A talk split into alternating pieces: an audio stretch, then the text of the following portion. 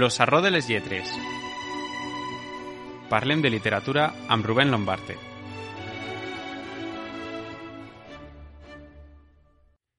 Benvinguts novament en este espai de l'Ossarró de les lletres. Fa unes setmanes se despedia d'esta casa i ara torne, com sempre, en natres, Rubén Lombarte. Molt bon dia, Rubén. Hola, José, molt bon dia. Bueno, com diem, torne este espai, segurament els nostres oients l'hauran trobat en falta estes, estes setmanes que no, que no l'hem contat. I bueno, este espai tan interessant que aquí, en la ràdio, en esta forma de parlar, transmitim una cosa que són les lletres, un, un concepte que està, que està molt interessant. Bueno, la idea és una mica engrescar la gent, eh, descobrir nous autors, descobrir nous llibres, eh, sobretot pues, a tota la gent apassionada en el món de la literatura eh, que tingui un fons d'armari interessant. I bueno, ja que aquestes últimes setmanes no hem pogut parlar, pues, les hem aprofitat bastant per a llegir i bueno, tenim damunt de la taula diferents propostes literàries que, que, bueno, que esperem que siguin de l'ús de tots. pues bueno, anem ara sí, a arrencar en, esta, en este programa d'avui de Los Arro de les Lletres. Què mos tens preparat, Rubén?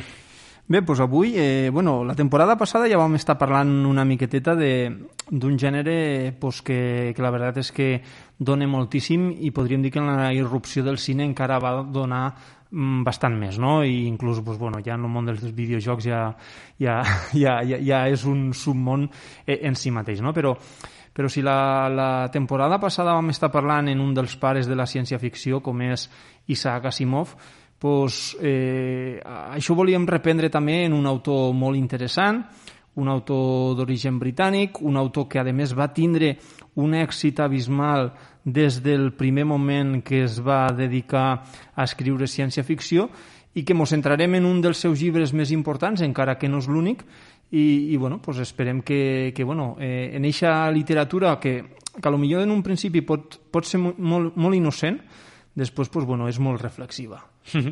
Bueno, pues, com dius, avui la temàtica central serà esta ciència-ficció d'un dels pares d'este de, de este gènere. I bueno, eh, no sé si ho puc desvelar jo, si vols dir tu. Bueno, eh, anem a parlar d'un autor molt interessant. Estem parlant de Herbert George Wells, eh, H.G. Wells, ¿vale?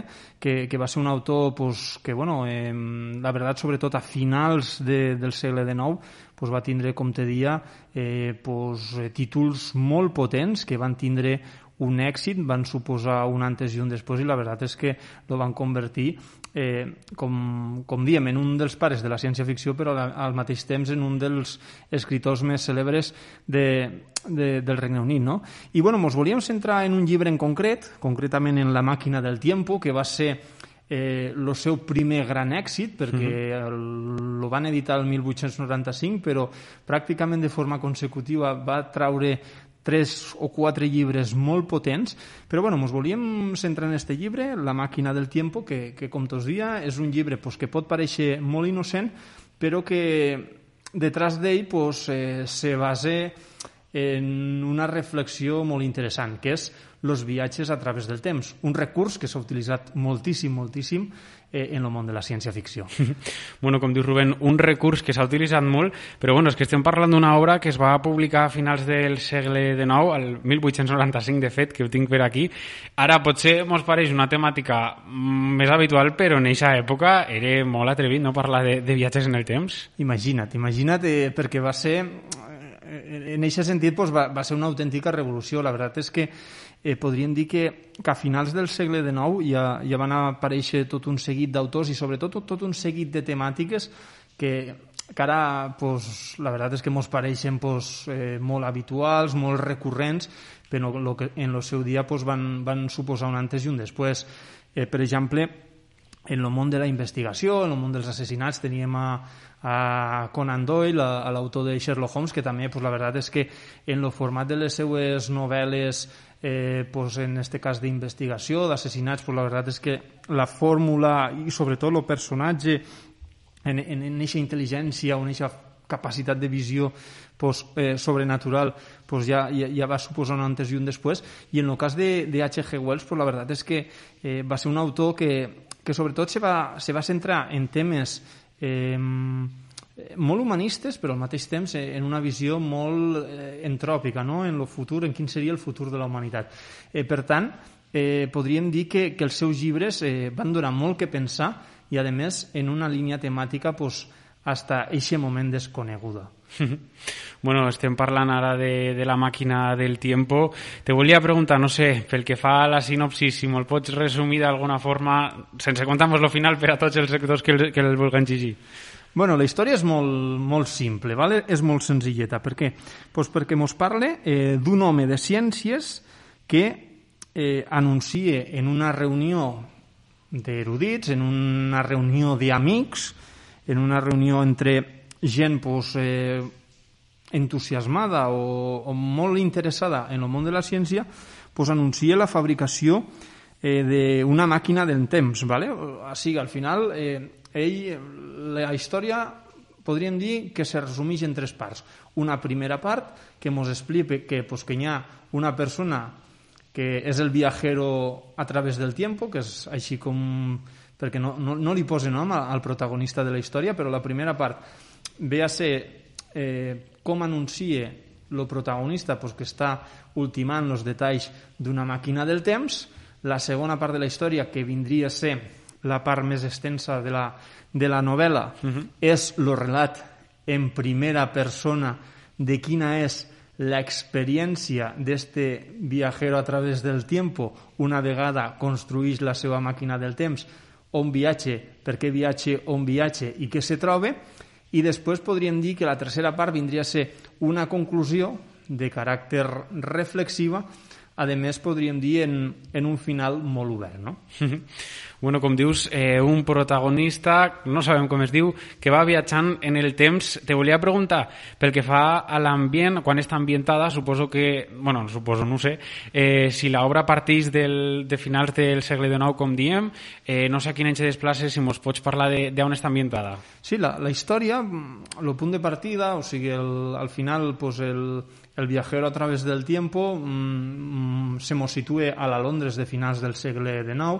De fet, hi ha tot un seguit de detalls eh, que d'alguna forma també ens donen a entendre quines preocupacions rondaven pel cap de, de l'autor, de H.G. Wells, en eixa eh, pues, Londres de finals de, del segle XIX, d'aixòs últims anys victorians, no? en l'entrada d'un nou segle, eh, i, i la història està ambientada precisament eh, eh, en eixa etapa. Per què ho descobrim, això? Pues perquè quan fa el viatge a través del temps fa certes comparacions en com era la Londres de la que hi venia a la Londres del futur. Claro, quan parlem de viatges a través del temps, per tant, està per un costat ambientada a lo que seria la Londres de finals del segle XIX, però clar, quan fa un salt a través del temps, doncs molt anem a la Londres de molts i molts segles en un futur. Concretament, eh, se'n va a l'any 802.701, o sigui, fa, recordes, eh? fa un salt que és patarrant a través del temps, no?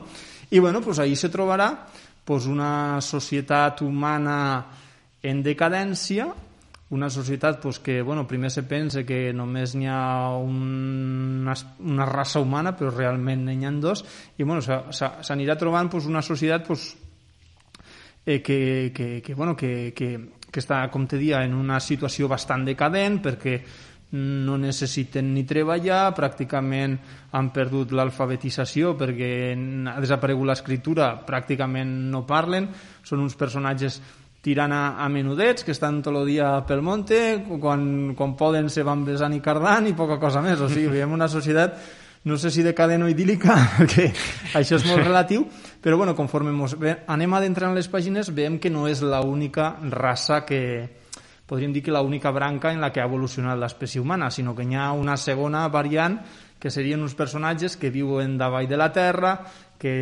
la veritat és que pues, tenen pànic a, a la llum i només ixen a l'oscuritat, una societat carnívora, així com los, de, los que hi havia a, a lo que seria l'exterior eren pues, veganos, los de l'interior són carnívors i s'alimenten de, de, altra raça humana, o sigui, de nit ixen a l'exterior i s'alimenten de l'altra raça. Entonces, se troba pues, dos variants de lo que seria l'espècie Homo i la veritat és que en aquest sentit pues, bueno, també fa una reflexió de cara a lo que seria el futur de la humanitat, eh, concepte de l'entropia i a veure eh, cap a on, cap a on anirà eixa raça humana en la que se trobaven eh, pues, Wells i tota una sèrie de, de, de persones interessades en el món de l'humanisme i la ciència a finals del segle XIX.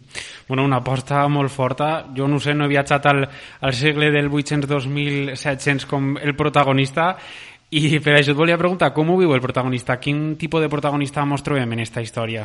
Bueno, la veritat és que és un, un personatge perquè al final eh, podríem dir que, que segurament de, tal i com està enfocada la història, tal i com està centrada, tal i com serien a lo millor les qüestions que, que més interessen a l'autor o més interessen al protagonista, pues a lo millor en, en ple segle XXI a lo millor la, la història no tindria res a veure, ¿vale? o sigui, ens centraríem en altres qüestions, però la veritat és que pues, bueno, a, a ell el primer que li sorprèn és que dius, ostres, primera, eh, eh, és una societat pues, al libre albedrío, no, no hi ha espècies animals, eh, s'alimenten de la recolecció, com si tornarem una mica al concepte de cazadores-recolectores, perquè bueno, les dues races humanes que hi ha, la una que seria els Eloi, que són els que viuen a la superfície terrestre, pues serien els recolectors, i els Morlocks, que són els que viuen eh, davall de terra, a més en uns sistemes de ventilació que s'han muntat ells uh -huh. per a poder respirar i per a poder eixir a la nit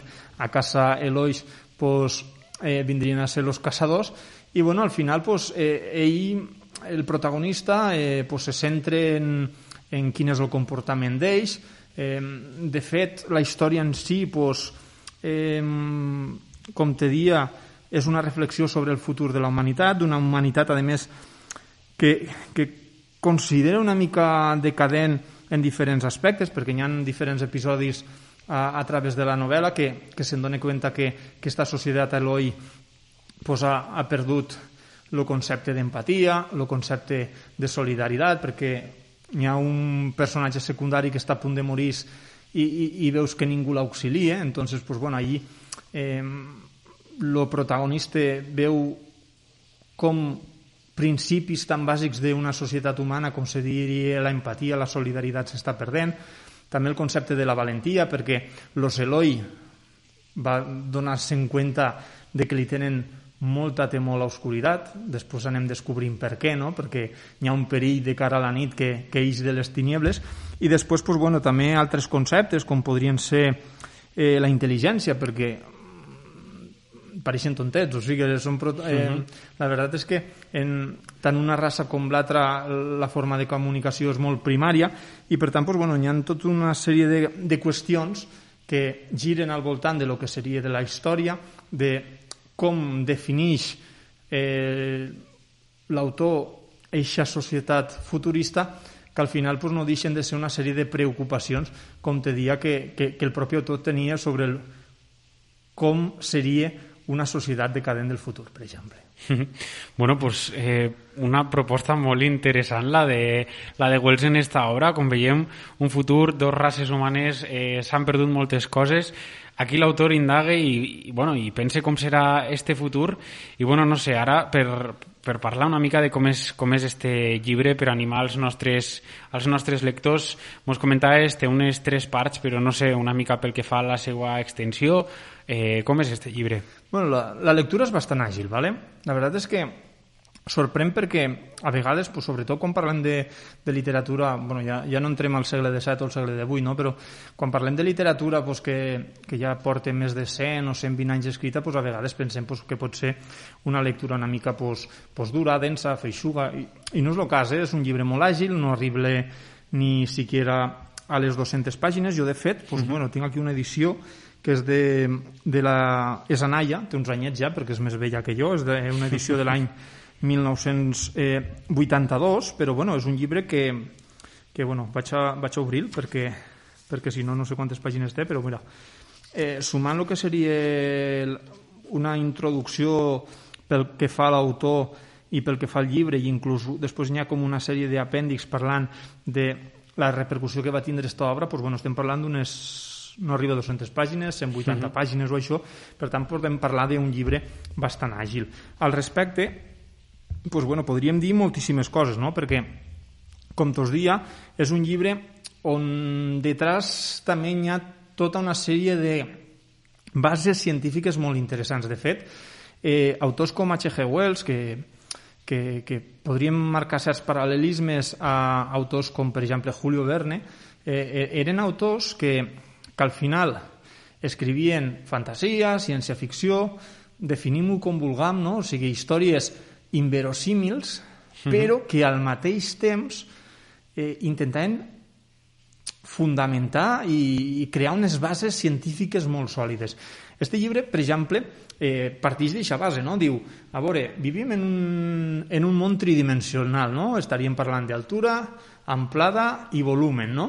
Uh. -huh. eh, nosaltres ens podem moure a lo alt, o sigui, ens podem pujar per amunt o pujar per avall, anar a un costat o un altre, anar per avant o per atràs, sí. i la seva reflexió parteix de la quarta dimensió. Uh -huh. Unes bases pues, teòriques científiques pues, que estan ahí damunt de la taula i, i dir, pues, de la mateixa manera que ens podem moure cap a dalt o cap a baix, cap a davant o cap a atràs, o cap a un costat o cap a un altre, mouremos a través del temps. Entonces és una, és una base d'un fonament científic bastant interessant i, i, i la història pues, bueno, parteix d'aixòs principis. A part d'això, pues, bueno, eh, al respecte, eh, també podríem dir que, que la història de, de H.G. Wells pues, també parla d'un concepte bastant interessant, com seria, ja n'hem parlat, no? de l'entropia, de, la, de la desaparició, podríem dir, eh, inclús de, del propi planeta Terra, no? I, i al respecte, eh, ell el que sí que ens ve a dir és que eh, a la llarga, el que ens va dir és que la humanitat vindria a ser l'única responsable del futur del devenir de la mateixa raça humana. És una reflexió, eh, podríem dir, que, que ja se comença a esgrimir a l'inici de les seues pàgines i que, eh, pues bueno, és, mm, al final no vendria a deixar ser més que el missatge de la història. Mm. Ell ens parla de viatges a través del temps, ens parla de ciència-ficció, ens parla de com eh, en un futur eh, distòpic pues, la raça humana se partiria eh, en dos races més, veiem com decau eixa humanitat, però al final ell el que ens ve a dir és en funció de com ens comportam, en funció del nostre comportament com a societat, com a raça humana en el present actual, pues,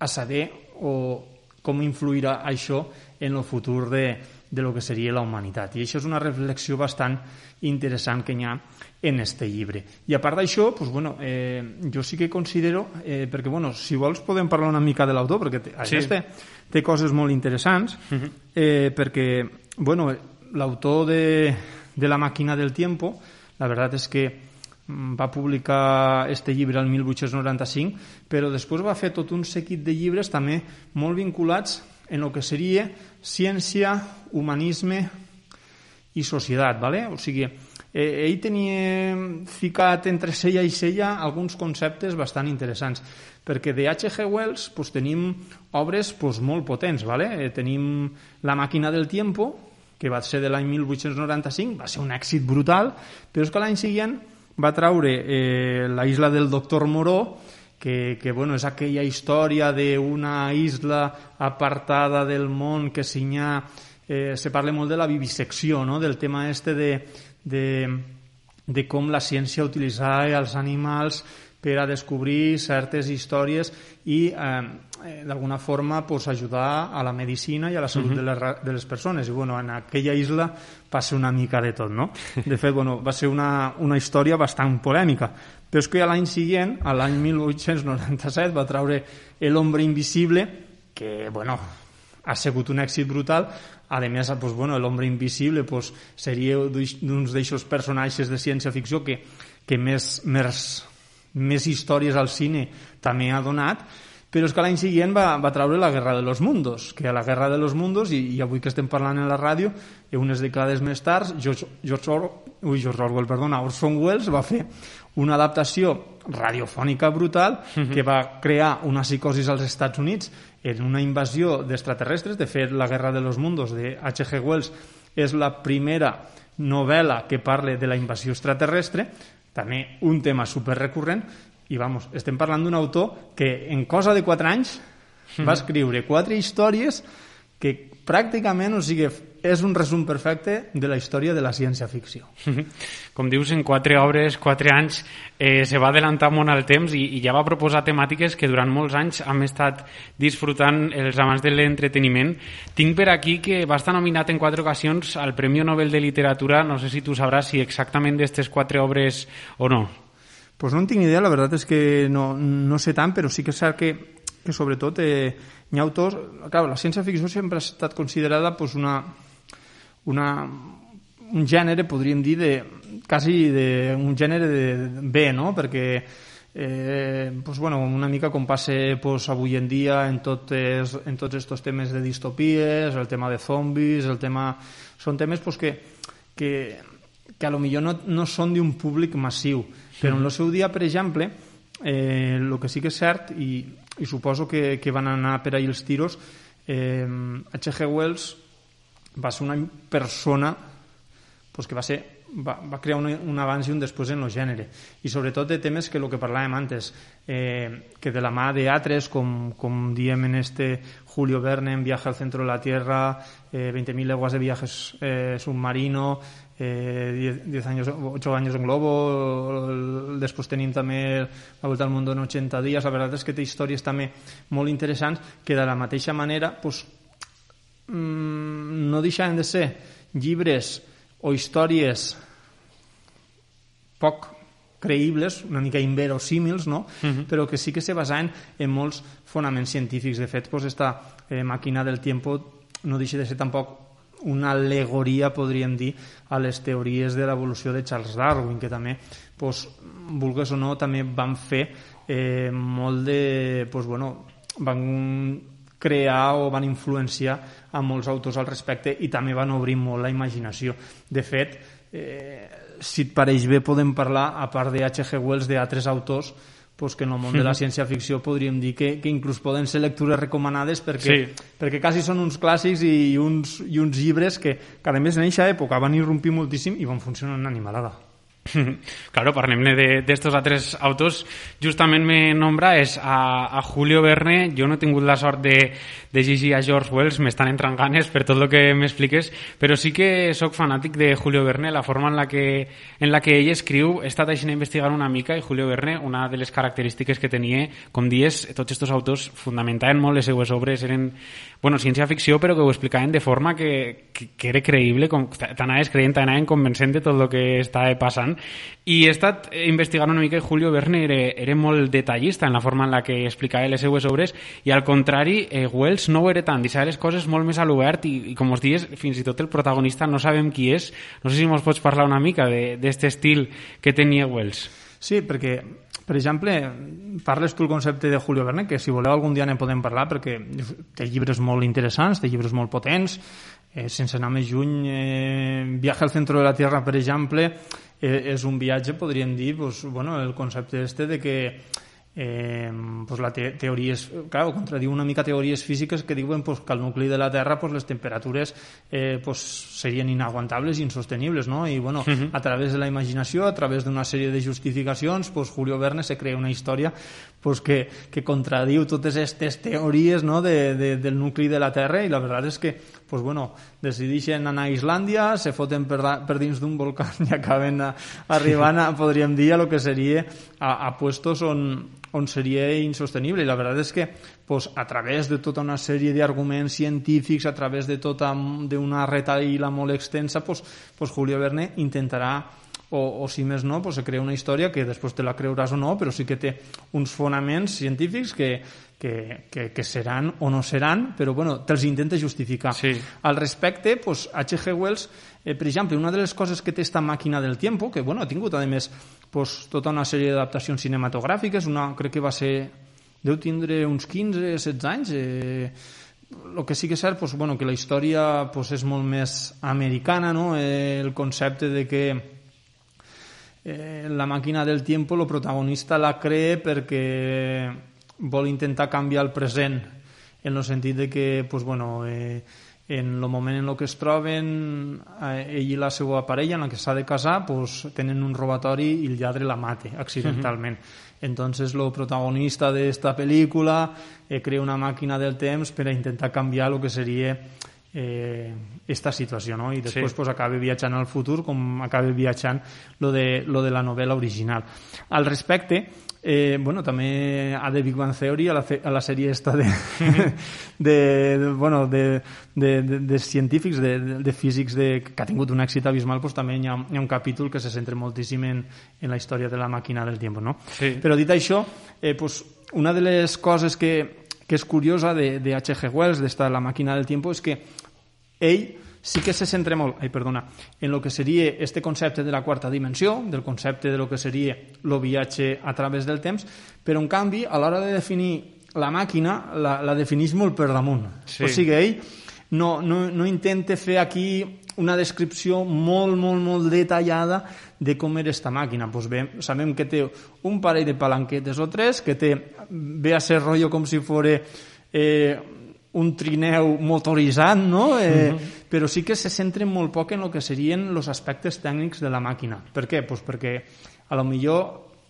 diu olvidemos d'això, centrem-nos una mica més en el que seria eh, esta reflexió de lo que seria el futur de la humanitat, però sí, si el comparem en autors, pues a lo millor que se centren moltíssim i intenten arribar hasta l'últim detall de com hagués sigut aquesta màquina, que segurament si ara parlarem que este llibre s'escrigués 120 anys després, pues, per allà anirien els tiros, pues no. Mm -hmm. En el cas de H.G. Wells n'hi ha moltes coses que les deixé així per damunt.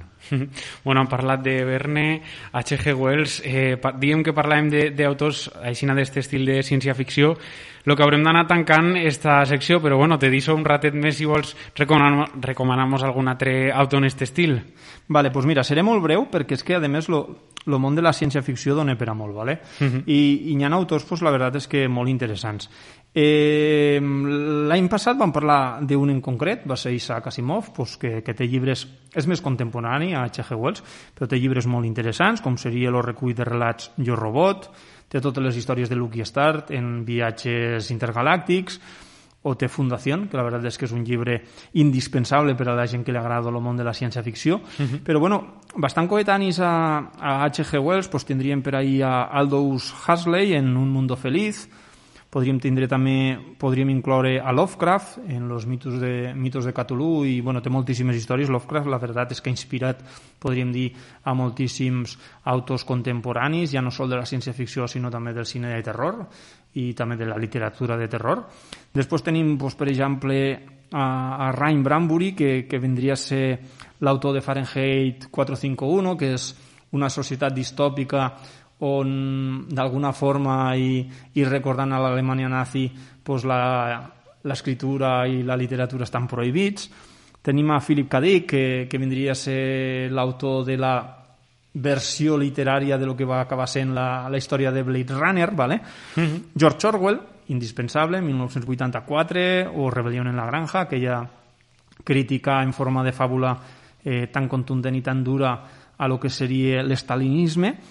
I bueno, pues per ahí mos queda també a Arthur Clarke, autor de 2001, Una odisea en el espacio, Mark Twain, que, que crec que lo vam anunciar pues, eh, la temporada passada, perquè bueno, té un llibre molt interessant de ciència-ficció que vindria a ser un yanqui en la corte del rei Arturo, que és molt divertida, perquè mm -hmm. Mark Twain la veritat és que si una cosa té és mm, un d'aixòs autors que, que te fa riure, que, que la veritat és que costa moltíssim en el món de la literatura.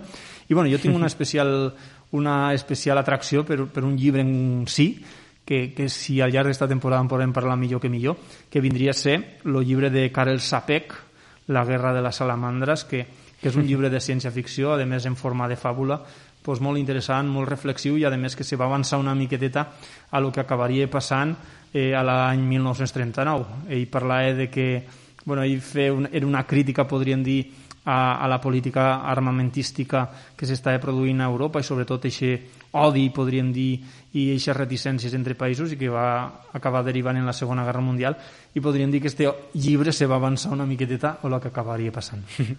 bueno, pues numeroses propostes tant d'autors com d'obres de ciència-ficció que den dites pels nostres oients, els més interessats segur que, que hauran pres nota perquè déu nhi totes la, la quantitat d'obres i, i autors que mos has dit tan interessants. I bueno, eh, anem tancant ja este episodi d'avui de Los Arro de les Lletres, en el que hem parlat de la màquina del tiempo. Per tancar, Rubén, eh, això no ho tenim parlat, te vull preguntar, no sé, si mos pots resumir el llibre en tres adjectius eh, descriptius o valoració personal teua d'este llibre. Ostres, ara me'n fots en un compromís. eh, pues sobretot, eh, jo crec que sobretot és un llibre interessant científic, humanístic i al mateix temps àgil, que és molt important. De fet, és un llibre que pot ser recomanat per a un adolescent, per a un adult, per a una persona gran, és un, és un llibre que, que crec que no entén d'edats. Per tant, i segurament cada, cada lector li traurà una conclusió molt diferent. bueno, pues una gran proposta la d'avui, de Her Herbert George Wells, La màquina del tiempo, i bueno, Rubén Lombarte, com sempre col·laborant en Natres aquí al Sarró de les Lletres, moltes gràcies per estar avui també en Natres i recuperar esta secció. Pues José, moltíssimes gràcies i molt bona lectura.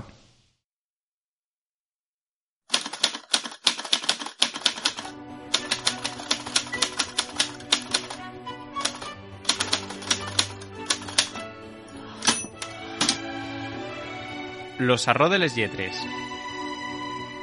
Parlem de literatura amb Rubén Lombarte.